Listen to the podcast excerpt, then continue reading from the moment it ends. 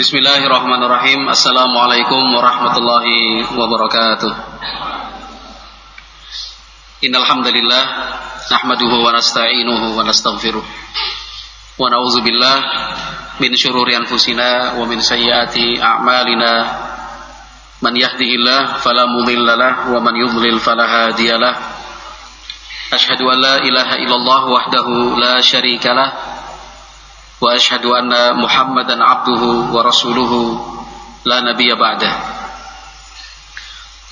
قال ربنا جل وعلا في القران الكريم يا ايها الذين امنوا اتقوا الله حق تقاته ولا تموتن الا وانتم مسلمون فان اصدق الحديث كتاب الله وخير الهدى هدى نبينا محمد صلى الله عليه وسلم وشر الامور محدثاتها kulla muhdatsatin bid'ah wa kulla bid'atin dhalalah wa kulla dhalalatin finnar Ma'asyiral muslimin wal muslimat jamaah Masjid Az-Zuhud Petanahan Kebumen rahimakumullah.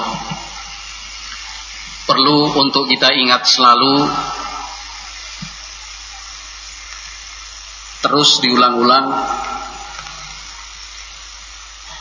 bahwa agama Islam agama yang diturunkan Allah Jalla wa'ala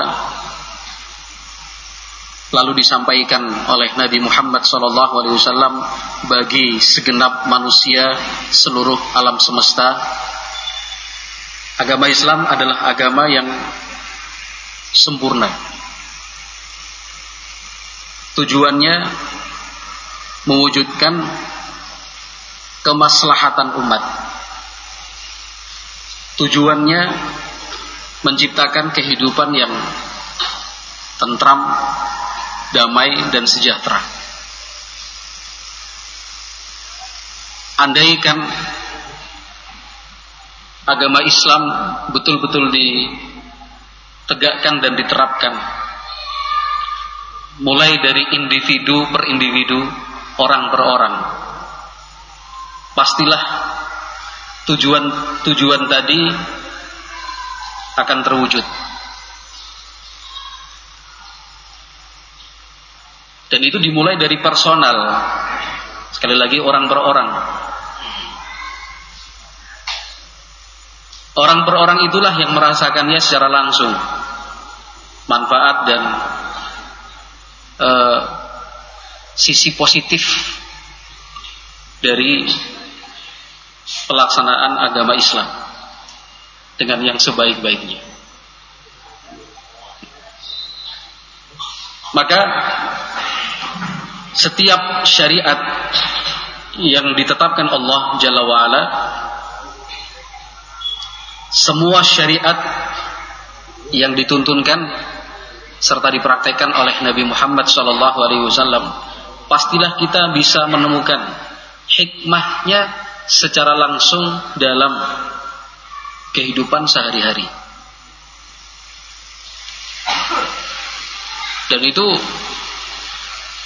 sempurna,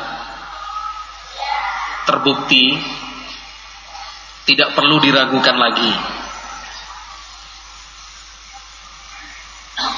Sayangnya kita sendiri yang meninggalkan. Contohnya begini. Merebaknya dan semakin meratanya penyakit-penyakit sosial. Perbuatan keji dan mungkar. Kenakalan remaja. Kejahatan narkoba. Human trafficking penjualan dan perbudakan manusia. Iya. Kejahatan-kejahatan pidana lainnya, pencurian, perampokan, begal, iya.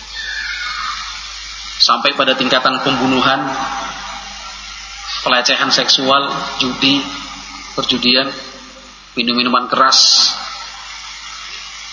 dan sebut lagi contoh-contoh yang lain yang selama ini kita sebut dengan penyakit-penyakit sosial itu sebenarnya kan masuk dalam kategori perbuatan keji dan mungkar. Ya. Banyak cara dicoba, sekian metode diterapkan, dibuatlah penelitian, lokakarya, simposium, seminar, untuk mencari formula yang paling tepat untuk menyelesaikan penyakit-penyakit sosial seperti ini. Termasuk juga korupsi di dalamnya. Sama.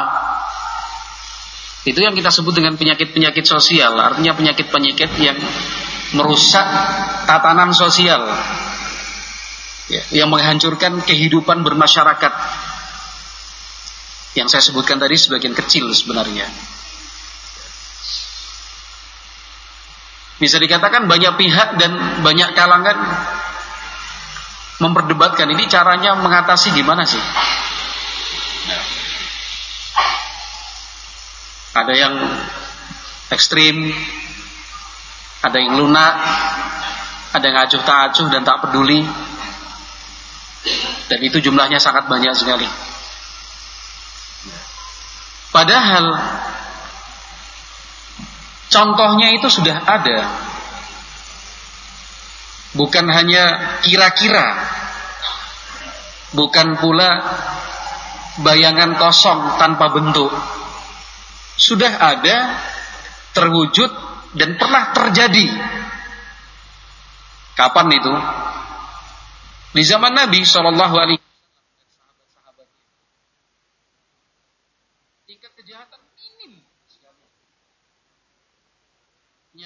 sosial kecil sekali presentasinya.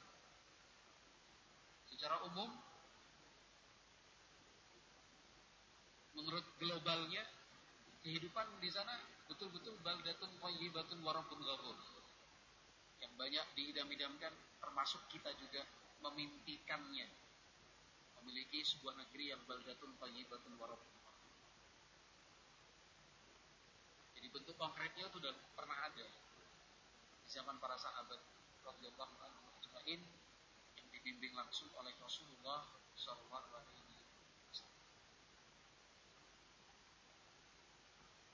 Metodenya atau caranya itu sangat apa sederhana dalam arti sederhana tapi penerapannya oleh sebagian besar kita ditinggalkan. Apa itu pelaksanaan sholat. Pelaksanaan sholat dengan baik dengan benar. Orang yang tidak paham mosok sih. Orang yang kurang mengerti akan justru mempertanyakan apa hubungannya sholat dengan penyakit sosial? Ya karena dia nggak beriman aja dengan ayat-ayat Al-Quran. Secara sempurna. Bisa jadi karena dia tidak pernah belajar sejarah yang sesungguhnya belajar sejarah Islam tapi referensinya dari orang-orang kafir. Menggali sirah Islam tapi literatur-literatur yang menulisnya orang-orang kafir. Walaupun dia ahli sejarah walaupun dikatakan ilmuwan mana bisa kita percaya kalau dia orang kafir? Apa yang menjamin kalau yang dia tulis itu benar apa jaminan dan kepastiannya kalau yang dia apa susun itu nyata orang kafir mana bisa dipercaya? Itu yang jadi sandarannya bacaan dan literatur-literatur penulisnya orang-orang kafir. Nah, cobalah baca literatur-literatur Islam yang ditulis oleh sejarawan-sejarawan Islam, ulama-ulama yang terpercaya, Jangan sampai kemudian kita termakan oleh apa propaganda. Kalau penulis-penulis sejarah Islam itu cuma ahlul hadis, nggak ngerti sejarah sebenarnya, sehingga bisa nggak bisa merinci dan mendetailkan. Itu upaya untuk apa namanya meruntuhkan legitimasi para ulama Islam. Selama ulama itu adalah ulama besar, terpercaya, ya kita terima. Kalau dia orang kafir walaupun dipuji dengan segudang pujian, jangan percaya. Kalau untuk membandingkan supaya muncul ini loh apa ketidakjujuran dan ketidakamanahan ilmiahnya silahkan. Masyarul muslimin wal muslimat jamaah Masjid Az-Zuhud rahimakumullah. Di dalam Al-Qur'an ada sebuah ayat kita baca Inna salata tanha anil fahsya'i wal munkar. Itu ayat yang sering diulang-ulang. Artinya sesungguhnya salat akan mencegah perbuatan keji dan perbuatan mungkar. Salat yang seperti apa? Salat yang dikerjakan sesuai dengan aturan. Salat yang pelaksanaannya betul-betul sesuai standar yang telah ditetapkan oleh Rasulullah Sallallahu Alaihi Wasallam. Ikhlas mengharap ridho dari Allah Subhanahu Wa Taala. Oleh karena itu, di dalam agama kita pendidikan salat termasuk pendidikan yang sangat penting menempati urutan nomor dua setelah tauhid pentauhidkan Allah Subhanahu wa taala. Coba itu kita perhatikan dan kita resapi pesan dari Nabi Muhammad sallallahu alaihi wasallam. Apa pesan beliau? Muru auladakum bis salati wa hum abna'us sab'in wadribuhum 'alaiha wa hum abna'u ashrin. Kata Nabi Shallallahu Alaihi Wasallam perintahkan, ajaklah, kondisikan, biasakan anakmu untuk sholat saat usia mereka tujuh tahun. Sebelum tujuh, lebih baik, lebih bagus. Tapi untuk umur tujuh, tujuh tahun sudah masuk tujuh tahun, lebih perhatikan. Umur tujuh, umur delapan, umur sembilan, umur sepuluh, kata Nabi bila perlu pukul itu anak supaya mau sholat.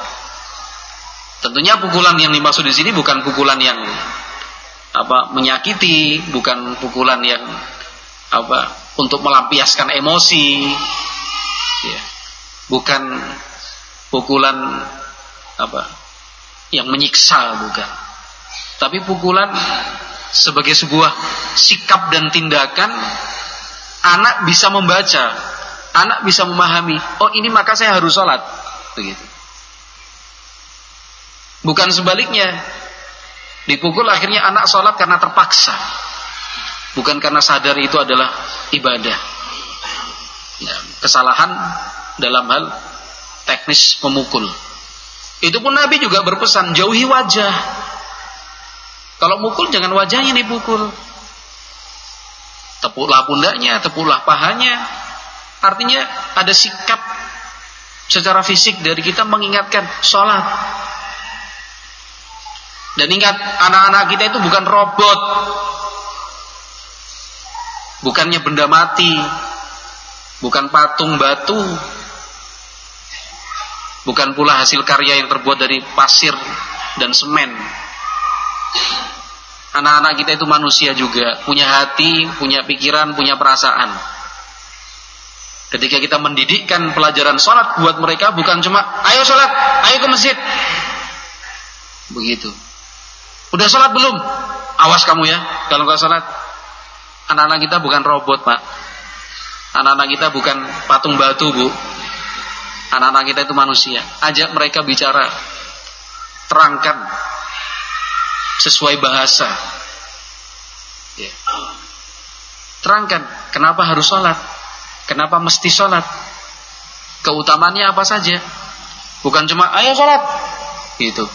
Bukan cuma udah sholat belum? Bukan cuma ngecek, itu kan namanya ngecek, kontrol namanya, ya kan? Kalau cuma nanya udah sholat belum itu kontrol. Ayo sholat itu juga kontrol. Tapi di sana ada pendidikan. Ingat pendidikan tarbiyah namanya. Jadi anak-anak dididik untuk sadar sholat. Terangkan le, do, Kan begitu. Le, do, sholat. Sholat itu kewajiban kita. Rasa syukur kita kepada Allah subhanahu wa ta'ala. Coba lihat tubuhmu. Kamu punya mata bisa melihat.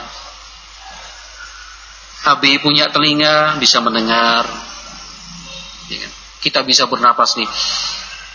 Kemarin lihat kan Simbah sesak napas dibawa ke rumah sakit terus dikasih oksigen. Iya pak, iya bi, iya ya, misalkan. Bernapas itu nikmatnya luar biasa. Kaki kita nih normal, bisa jalan, bisa lari. Nah, Allah sudah memberi banyak kebaikan buat kita. Maka kita harus menjalankan kewajiban kita. Salah satunya sholat. Kan begitu, itu namanya mendidik. Kalau cuma udah sholat belum? Belum, Astaga, sholat. Itu mah kontrol namanya. Bukan pendidikan, bukan tarbiyah. Kan itu. Lain waktu temanya beda. Le, Abi mau cerita nih. Apa Bi? Ya duduk dong yang baik. Kamu tahu orang buta itu gimana? Tahu, tahu. Kalau jalan pakai tongkat. Orang buta le, nggak bisa lihat. Mata kanan, mata kiri, mata kiri tertutup, gelap, nggak bisa lihat apa-apa. Orang buta. Susah nggak hidup seperti itu? Ya susah Nabi. Susah jelas itu. Nggak leluasa kan, nggak tahu apa yang ada di kanan kirinya. Cuma kemampuan mendengar saja. Atau ada petunjuk, ada suara yang mengarahkan. Kan gitu ya, Le? Iya, Bi. Kamu mau nyoba pura-pura tutup mata tutup mata gini terus kamu jalan 10 meter kira-kira susah nggak? Susah bi coba coba coba. Wah nanti nabrak bi. Enggak enggak. Pelan-pelan aja. Tutup matanya. Atau abi yang nutup matamu ya. Pakai kain. Tutup matanya. Jalan. Satu langkah. Wah gelap bi. Gelap bi. Jalan. Bisa nggak susah bi. Kan ini. Ada semangka. Mana? Ya cari. Ini ada makanan ini cari. Udah dibuka sekarang. Gimana? Orang buta susah kan? Susah bi. Nah abi baru mau cerita nih. Ada seorang sahabat buta datang mencari Nabi. Sallallahu Alaihi Wasallam setelah ketemu orang buta tadi mengatakan Rasulullah saya buta. Apakah ada keringanan buat saya sholat di rumah? Kata Nabi Muhammad iya sholat aja di rumah nggak apa-apa. Sahabat itu kemudian pergi. Setelah pergi masih kelihatan orangnya dipanggil setelah Nabi eh sini sini sini balik lagi. Orang buta tadi langsung balik kenapa wahai Nabi? Nabi nanya asami'tan nida? Kamu dengar azan nggak Ya denger dong. Kata Nabi kalau kamu dengar azan sambut azan itu. Kamu tetap sholat berjamaah. Kan gitu. Itu namanya pendidikan.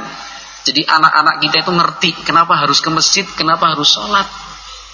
Bukan cuma karena disuruh bapaknya, bukan karena takut dimarahin umiknya. Bukan.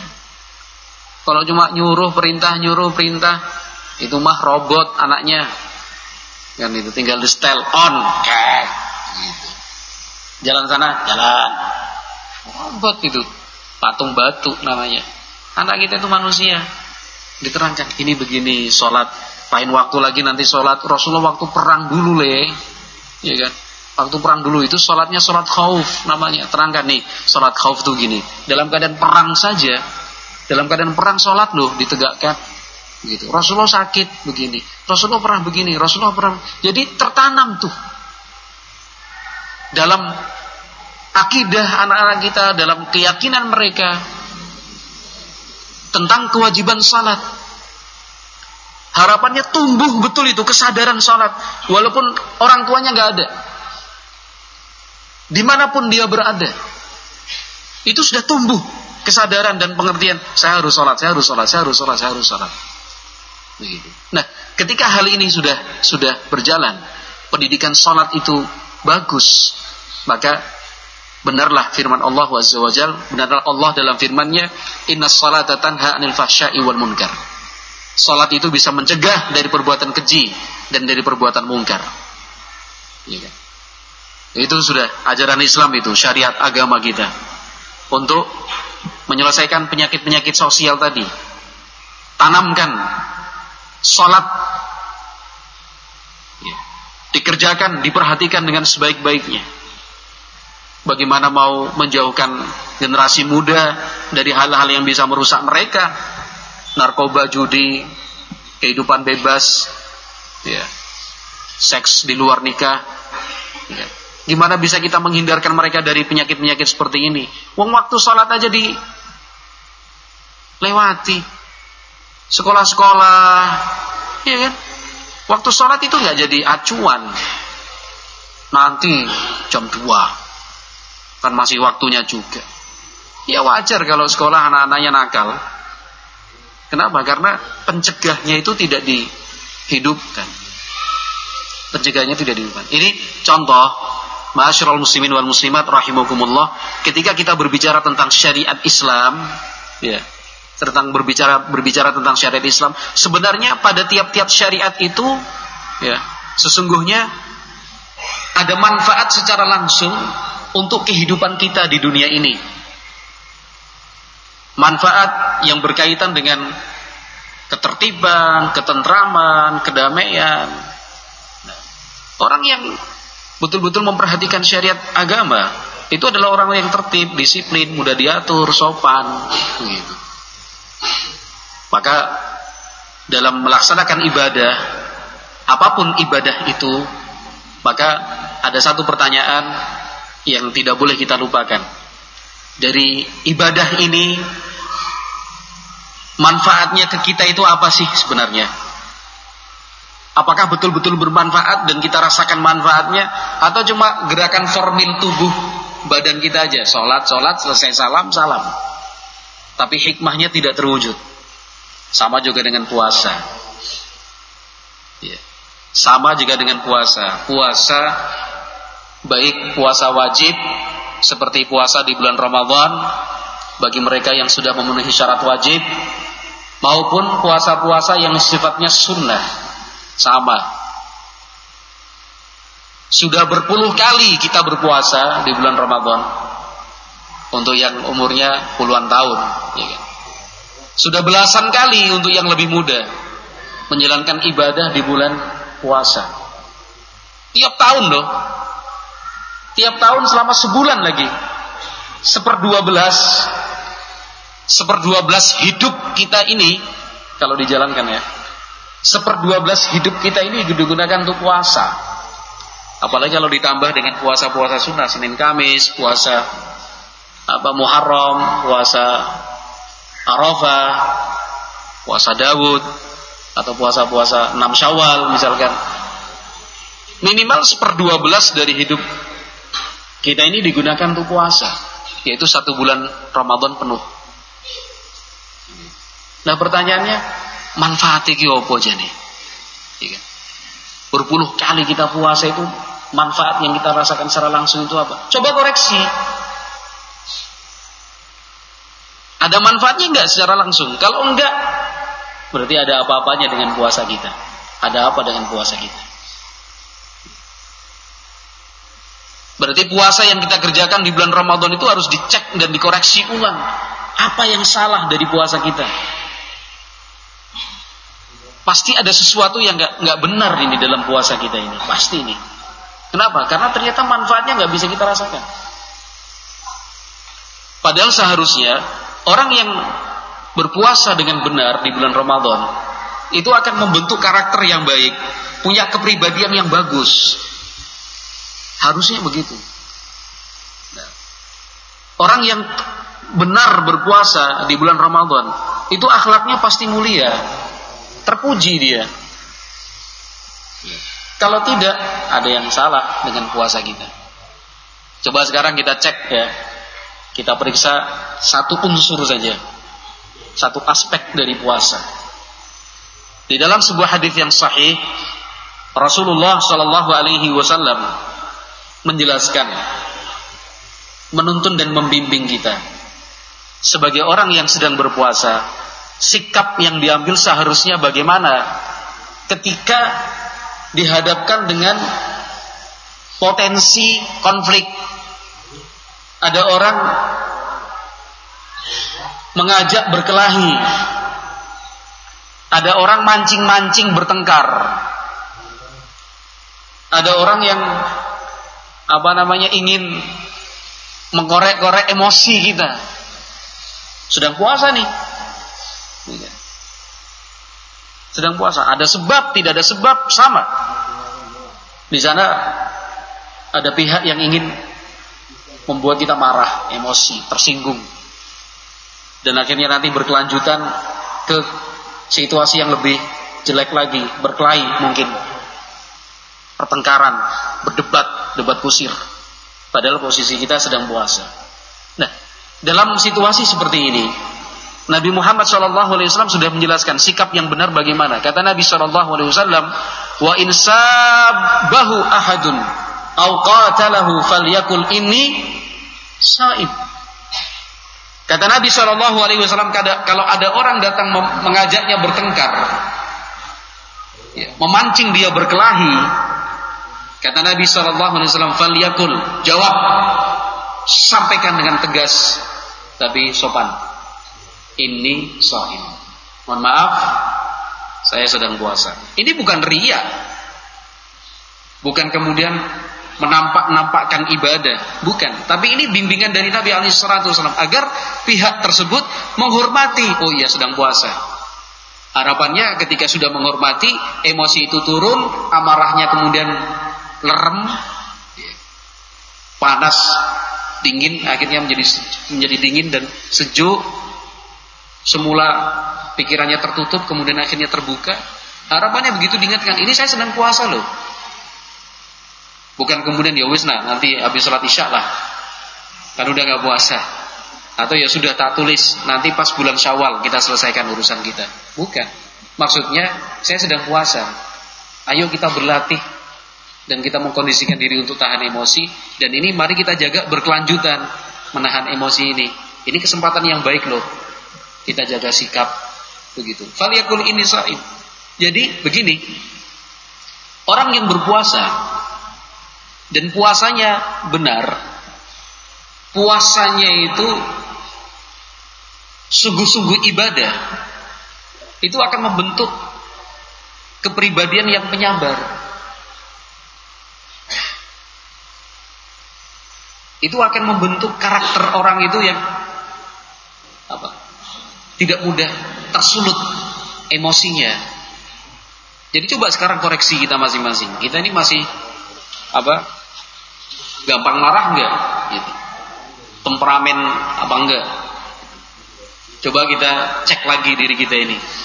Mudah tersinggung enggak? Cek lagi kita sendiri. Dalam satu tahun ini, di luar bulan Ramadan, sudah berapa kali orang memisahkan kita supaya tidak bertengkar? Wis wis wis lah, wis lah, wis lah. Berapa kali? Cek itu. Kalau ternyata hasilnya minim, ya berarti ada yang salah dengan puasa kita. Iya, lagi wingi baik. Orang tak lempar pakai batu. Lah kenapa sih? Oh, berangkat sholat Jumat sudah rapi, pakai sarung, pakai koko putih maning disetrika nih bojone. Malam baru turun hujan, air menggenang, ada lubang kolam seperti depan pasar petanahan. Berangkat mau masjid ke Zuhud, anak muda berengung. Bukan yang menghindari lubang yang ada airnya, malah sengaja di jampingan. Kena, tak teriakin, hei! Ambil batu tak lempar sama ini. Ya, berarti puasanya ada yang salah tuh. Ya masalahnya. Berarti puasanya itu ada yang salah. Harusnya Ustadz ngomong kepenak banget sih. Eh, memang kepenak dari Ustadz ngomong. Ya, untuk untuk kita pelajari, untuk kita pelajari supaya kita praktekkan. Harusnya karena kita udah puasa berpuluh-puluh kali puasa Ramadan ya. Itu tadi, sabar. Yang namanya sabar itu bukan untuk kondisi-kondisi normal kan? Iya kan? Bukan untuk kondisi-kondisi normal.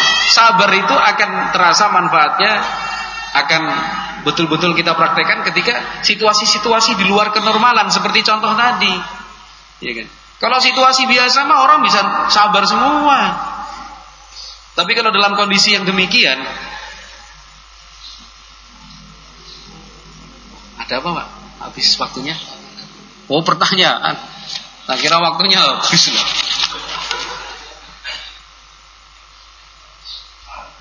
Oh iya. Ini berdua atau biar didengar yang lain juga? Hah? Oh ya. Masaan pengen ngerti nih. Paling masaan juga sama kayak gini. Iya sama. Biar penasaran sih. Iya. Iya, yang namanya sikap sabar itu kan di apa di di diungkapkan ya di, diungkapkan ya diungkapkan itu dalam kondisi-kondisi yang kan di luar kenormalan ya kan. Kalau situasi normal ya saya kira semua orang bisa sabar lah, iya kan.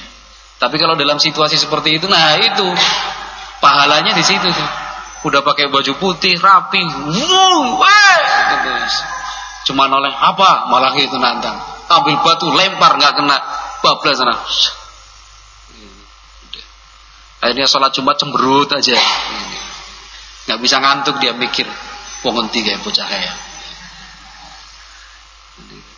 Itu contoh tuh. Sabar. Wong itu tuntunannya jelas dari Nabi Muhammad Wasallam. Ya kan? Faliyakul ini so soim. Sampaikan. Terangkan saja. Mohon maaf, saya sedang puasa. Ada seseorang memaki-maki Al Hasan bin Ali. Siapa itu Al Hasan bin Ali? Cucunya Rasulullah Sallallahu Alaihi Wasallam. Al Hasan bin Ali. Ada orang datang menghina, mencaci maki. Beliau senyum aja tuh. Dan itu. Di apa? Dipisu-pisui lah. Dan itu. Di as orang Jogja bilang dionek-onek ke. Diomongi apa-apa lah Dengar aja santai. Selesai, orang itu ngomong didengerin aja, nggak ditangkepin. Hmm, hmm, kan gitu. Dasar bang bodoh, hmm, gitu. Pelit, hmm, hmm. Gitu. Bisa orang kayak gue ya, orang bisa ya. Pelit, males, hmm. Gitu. Terus pokoknya macam-macam. Gak punya hati. Terus udah. Udah nggak bisa ngomong lagi dia. Kehabisan bahasa kan. Kata-katanya udah dikuras sama dia. Iya. Kata-katanya dikuras. Sudah selesai. Diam orang itu. Al Hasan bin Ali mengatakan, "Amma anta fama abqaita syai'an wa ma ya'lamullahu aktar." Kata Al Hasan bin Ali cucunya Rasulullah sallallahu alaihi wasallam ini, kata beliau, nggak tersisa lagi ya yang ingin kamu ucapkan ya. Itu sudah mentok, sudah maksimal. Kamu harus tahu. Yang Allah ketahui tentang saya lebih banyak. Artinya yang kamu sampaikan tentang saya itu masih terlalu sedikit. Sedikit banget. Kesalahan-kesalahan saya, kekurangan-kekurangan saya lebih banyak, tapi kamu nggak tahu. Allah yang maha tahu. Jal keperiwe gue. Kira-kira orangnya terus emosi apa terus geblak gitu ya. Menghadapi orang sabar kayak gini, wajahnya nggak nggak nggak berubah. Kerut-kerutan di pipinya seperti orang nggak mengalami apa-apa gitu. Luar biasa. Ya, salaf kita dalam hal ini Al Hasan bin Ali. Ya. Rahimahullahu taala. Muawiyah bin Abi Sufyan radhiyallahu anhu beliau mengatakan laqad kuntu alqar rajula minal arabi a'lamu anna fi qalbihi alayya dhaghnan fa astashiruhu fa yushiru ilayya minhu biqadri ma yajiduhu fi nafsihi yuwassi'uni syatman wa uwassi'uhu hilman hatta yarji'a sadiqan asta'inu bihi fayu'inuni wa astanjiduhu fayunjiduni luar biasa sahabat Muawiyah memang dikenal orangnya penyabar sahabat Muawiyah bin Abi Sufyan kata sahabat Muawiyah sungguh Ya. Saya pernah mengenal seseorang yang saya tahu dia itu benci sama saya. Saya paham dia itu nggak suka sama saya. Saya ngerti. Walaupun demikian, saya pura-pura nggak tahu aja. Seakan-akan saya nggak ngerti. Fa'astashiruhu.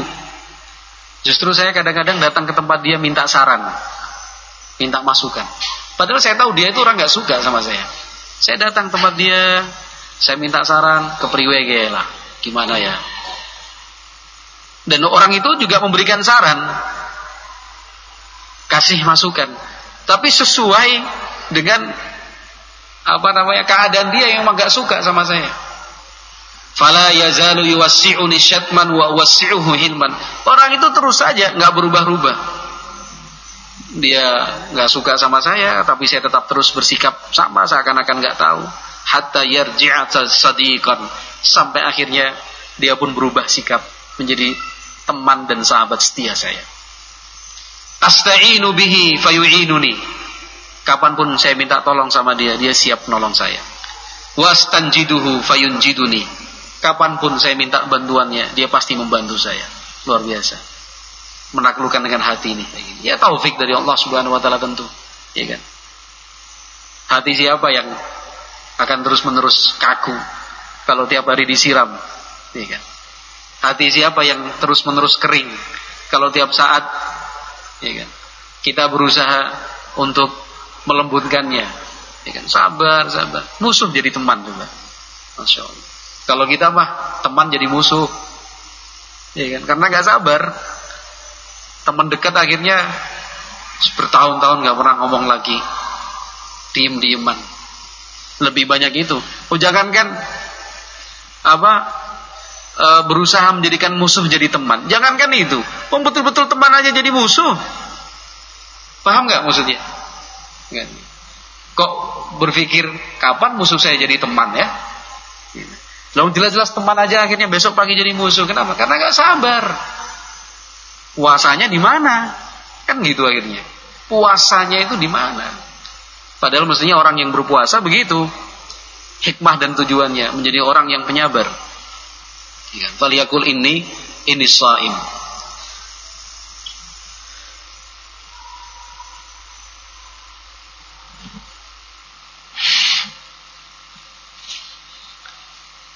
Al-Ahnaf bin Qais rahimahullah beliau mengatakan man lam yasbir ala kalimatin sami'a kalimatin Al-Ahnaf bin Qais ini termasuk apa tokoh kesabaran kalau kita berbicara tentang kesabaran namanya pasti ada di situ Al-Ahnaf bin Qais beliau mengatakan orang yang tidak bisa bersabar mendengar satu kata nggak sabar, ya pada akhirnya dia akan sering mendengar kata-kata yang akan menyakitkan hatinya. Ini masuk akal ini.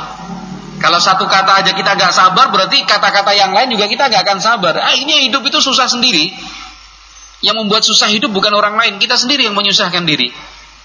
Ya? Orang ngomong kayak gini dimasukkan dalam hati. Lain waktu orang ngomong demikian, masuk lagi dalam hati. Sempit hati ini penuh dengan apa? Dengan emosi. Yang rugi kita sendiri. Yang ngomong udah lupa kita masih ingat. Dan itu. Yang ngomongin kita mengucapkan kata-kata yang tidak menyenangkan itu dengan lahap makan dan minum kita yang susah makan susah minum. Iya. Orang yang ngomongin kita mengucapkan kata-kata yang apa namanya menyakitkan, ya dia bisa tidur lelap, kita yang susah tidur. Mikirin terus, mikirin terus. Ya kan? Orang yang ngomongin kita bisa cerita sana tertawa, kita terdiam karena sariawan. Mikirin kata-katanya. Ya kan? Atau asam lambungnya naik kumat. Kenapa sih? Tega banget ngomongin lah. Loh kenapa? Ini ngomongin yang pelit. Ya Allah. Padahal tak bantu terus wonge. Masa nyong diomongin pelit. Ya udah rugi kita. Mikirin omongan, ngungkit-ngungkit kebaikan. Padahal mau ngungkit-ngungkit kebaikan itu resikonya membatalkan kebaikan itu sendiri. Iya kan? Jangan engkau batalkan amalanmu sadaqatikum bil manni wal adha. Jangan batalkan sedekahmu dengan mengungkit-ungkitnya. Kan kamu udah tak bantu kemarin. Ya, capek-capek kita ngeluarin, sudah harta kita beri, akhirnya nol. Kenapa? Diungkit-ungkit. Ya, yundat-yundat. Jangan. Ya. Lihat. Al-Ahnaf bin Qais memberi nasihat buat kita. Man lam yasbir ala kalimatin sami'a kalimatin. Orang yang tidak bisa bersabar mendengar satu kata yang menyakitkan. Ya pada akhirnya dia tidak akan bersabar untuk kalimat-kalimat lain yang juga pasti menyakitkan. Ya. Al-Ahnaf bin Qais rahimahullah itu pernah dicaci maki sama seseorang. dicaci maki, dihina, wes pokoknya. Habislah. Enggak cuma meng menghina, enggak sebatas mencaci maki. Al-Ahnaf bin Qais diikutin dari belakang. Al-Ahnaf bin Qais ini jalan pulang ke rumah, diikutin sama orang itu. Eh, eh, eh, eh. pokoknya dicaci maki. Hatta balagha hayyahu. Sampai kampungnya, sampai rumahnya. Sampai depan rumah itu Al-Ahnaf bin Qais. Alah, Masya Allah. Tersinggung aja enggak? Nahan gini aja juga enggak. Biasa, didengarkan. Padahal dicaci maki, dihina, dipisui. Ini orangnya semangat banget ini menghina ini. Diikutin itu. Oh dari belakang. Wih bodoh, wih pelit, wih malos, macam-macam itu. Dasar kamu, dasar kamu. Iya. Sampai depan rumah Al-Hanaf bin Qais balik. Kata Al-Hanaf, ya hadza in kana baqiya fi nafsika syai'un fahatihi wansarif. La yasma'ka ba'du sufaha'ina fatal qama takrah. Kata Al-Hanaf bin Qais, saudaraku, kalau masih ada sisa yang ingin kau sampaikan, tolong sampaikan sekarang. Kemudian setelah itu silahkan pulang. Jangan sampai ada orang yang sumbunya pendek, ya kan, mendengar ucapanmu, nanti dia malah membalas kamu loh. Kalau saya sabar nih orangnya. Masih ada enggak? Kalau masih, ayo sampaikan tak dengarkan. Kalau udah selesai ya pulanglah, kan udah selesai. Udah orangnya pulang. Luar biasa. Al-Ahnaf bin Qais. Bisa nggak kita seperti itu? Harusnya bisa. Pong tiap tahun sebulan penuh puasa kok. Ya? Harusnya begitu. Ya hal-hal yang membuat kita emosi itu kan banyak banget, ya kan? Orang udah pesen, Mas pesen 10. 10 apa? 10 tempat tak bawa pulang es pisang hijau. Contoh aja, ya kan? Atau jangan es pisang hijau lah, anak wonge dan orang kepenak banget ya. Tahu crispy lah. Gak ada ya mas ya? Ayam geprek pasti ada di sini. Pesen sudah. Udah dibuatin. Baru dapat lima. Mas, mas, mas, mas. Sorry. Sorry. Gak jadi. Ini ada acara di sana. Harus dijemput ke Robati. Nah, ini. Sorry, sorry, sorry. Ya Allah. Gimana coba para pedagang-pedagang? Kira-kira erosi kok erosi. Emosi apa enggak nih? Oh, emosi udah 10 ini. Udah dibuat 5 udah jadi nih. Yang pesan sorry, sorry, bener sorry. Ada urusan penting banget ya. Eh kira 5, sorry. Pergi aja dia. Kalau ada peristiwa seperti ini gimana Mas? Oh Pak Takir ada Pak Takir, Pak Takir. Assalamualaikum Pak Takir. Pertanyaannya, masaan tahun ini poso apa ora? Pertanyaan kayak gitu. Ya poso, poso. Ramadan iya, ya wis sabar. Iya, iya, iya. Tahun kemarin puasa enggak? Ya puasa, bener orang medot. Ora loh. Full, full. Pernah batam enggak full, ya wis sabar. Ya. Itu apa namanya? E, aplikasi dari puasa yang kita kerjakan selama bulan Ramadan. Ini luar biasa Allah Nabi bin Qais ini. Iya kan? Ali ibnu Husain ini cicitnya Rasulullah kalau sekarang. Yang kita kenal dengan Zainal Abidin itu ya. Kiasannya orang-orang yang ahli ibadah. Ali ibnu Husain. Jadi diceritakan ada orang datang melapor kepada Ali ibnu Husain, cicitnya Rasulullah. Orang tadi bilang, "Inna fulanan qad adzaka wa waqa'a fika."